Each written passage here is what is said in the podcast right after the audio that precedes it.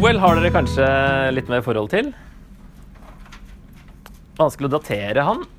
Det er jo et sted mellom Nordrikets fall og Sørrikets fall. Så det, men vi kan si 600-tallet, kanskje. At det er et greit eh, forslag.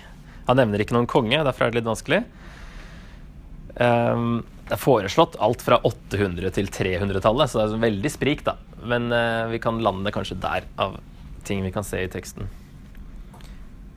Og så er det litt vanskelig å vite om han snakker om faktiske gresshopper som skal invadere eh, som en straff fra Gud, eller om det er en nasjon som beskrives som gresshopper. Der er det òg litt delte meninger i kapittel 1. Men eh, det er et godt forslag at eh, kapittel 1 handler om en gresshoppesverm som har ødelagt allerede avlingen. Når liksom boka åpner, så har gresshoppene vært der og ødelagt avlinga. Og Joel vet at det skjedde fordi de ikke holdt loven, sånn som Mosebøkene har sagt. Det er en av de paktsforbannelsene som skulle skje. Gresshopper kommer og spiser opp avlingen hvis ikke dere holder loven. Så det har skjedd her. Joel vet at det var pga. det. Og så vil han få dem til å våkne opp da, og komme tilbake til loven. Og da bruker han den eh, gresshoppeinvasjonen som et bilde på en nasjon som invaderer. Hvis ikke de omvender seg. Et virkelig angrep, da. Som han kaller for et stort og mektig folk som aldri har hatt sin like i tider som var, og som aldri vil få det i år som kommer, så lenge slekt følger slekt. Så det høres jo ut som en uovervinnelig fiende, som da kanskje kan være asyrerne eller babylonerne. Spørs når du plasserer eh, boka.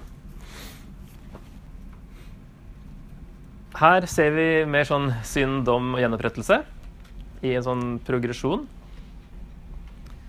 Eh, hvis vi tar den tolkningen her, da, at i kapittel 1 så har gresshoppene allerede vært der og ødelagt avlingen, og det er pga. synd. Så ligger det liksom litt i fortida, men du har synd da i kapittel 1. Det er pga. synd, i hvert fall. Selv om det ikke kanskje beskrives så mye hva slags synder. Det husker jeg ikke.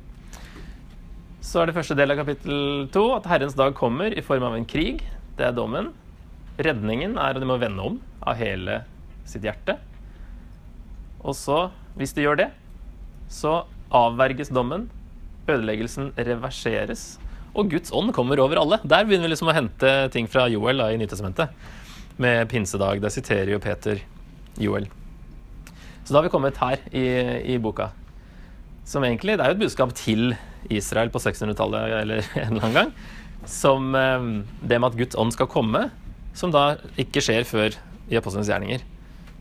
Eh, men som er noe som ligger i framtida. Hvis de omvender seg, så kan de fortsatt være Guds folk, si, og Messias kan komme fra dem. Og eh, Guds ånd skal komme over alle mennesker.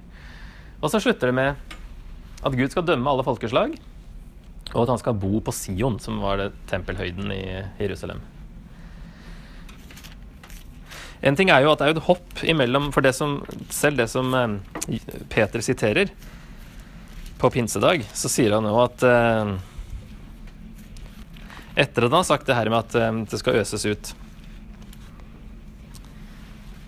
I de siste dager skal det skje, sier Gud, at jeg øser ut min ånd over alle mennesker, osv., osv., det vi kjenner. Men så kommer det Jeg setter varsler oppe på himmelen og tegn nede på jorden, blod og ild og røykskyer. Solen skal forvandles til mørke og månen til blod, før Herrens dag kommer, den store og strålende.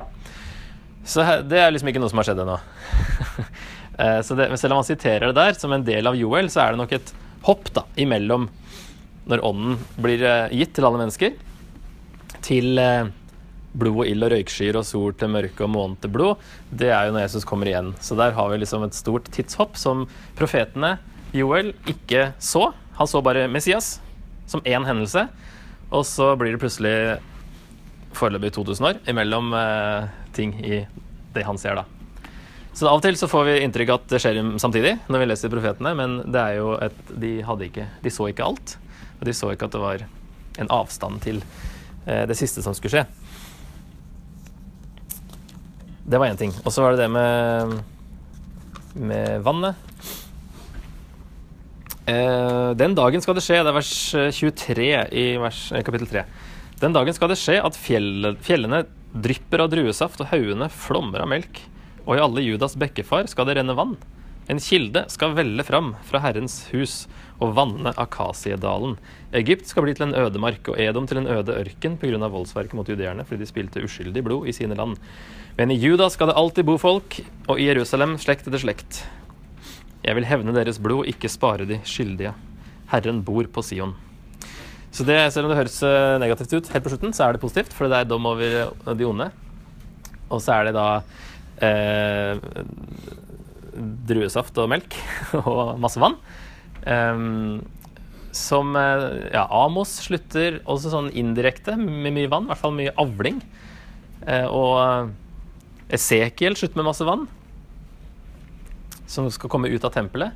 Og det er et sånt tema som, som blir gradvis kanskje mer og mer utover i Gamle testamentet, at vann hører sammen med ånd. Derfor vi snakker om at Gud øser ut sin ånd, så er det fordi det er på en måte vannmetaforer. Eh, som også da ligger i dåpen, at det et, eh, har med ånden å gjøre.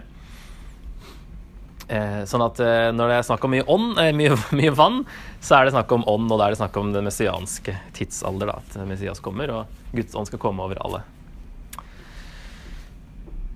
Jesus i Joel, det har vi vært inne på. Apostelens gjerninger 2. Jeg øser ut min ånd. Brukes jo um, Altså etter at Jesus har kommet, da. Så det jo, har med Jesus å gjøre, men det er ikke liksom direkte om Jesus kanskje der. Hver den som påkaller Herrens navn, skal bli frelst, står det i 3.5, som Paulus siterer i Romerne 10, 13. Her i Joel så er det jo Javé som ligger bak Herren, altså Gud. Men Paulus bruker det om Jesus i Romerne 10. Han sier jo at den som sier at Jesus er Herre, den skal bli frelst. Og hver den som påkaller Herrens navn, skal bli frelst. Så i det konteksten, og egentlig hele Nytestamentet, så er Herren er Jesus. Og så er det dette med den kilden som skal velle fram fra Herrens hus. Det eh, Jesus eh, i Johannes 7 sier at 'jeg kom til meg, dere som er tørste, jeg har det levende vann'. Um, og det sa han under løvhyttefesten, står det. Og det var under den festen at de leste fra slutten av Esekiel og slutten av Zakaria, der det også er eh, vann. Eller der er det også en løvhyttefest. Så hadde de en prosesjon der de henta vann fra Siloam-dammen. Helte det ut ved alteret og leste fra de tekstene her. Eh, altså, akkurat da så står Jesus opp og sier at 'jeg har det vannet'. Jeg er oppfyllelsen av det vannet her. Som dere har lest om i profetene, og som dere nå tenker på å lese fra. Og det er altså Den hellige ånd som er vannet som han har. Og at den skal øses utover alle, som Joel har sagt. Og derfor Herren bor på Sion, slutter det med. Det er jo da den messianske tidsalder, når Gud bor blant sitt folk igjen. Selv om han bruker jo det konkrete bildet av Jerusalem. Så er det at Jesus, uh, Gud skal bo blant sitt folk, sånn som Johans åpenbaring slutter med. Etter at uh, Messias har kommet, Guds ånd er øst ut, osv.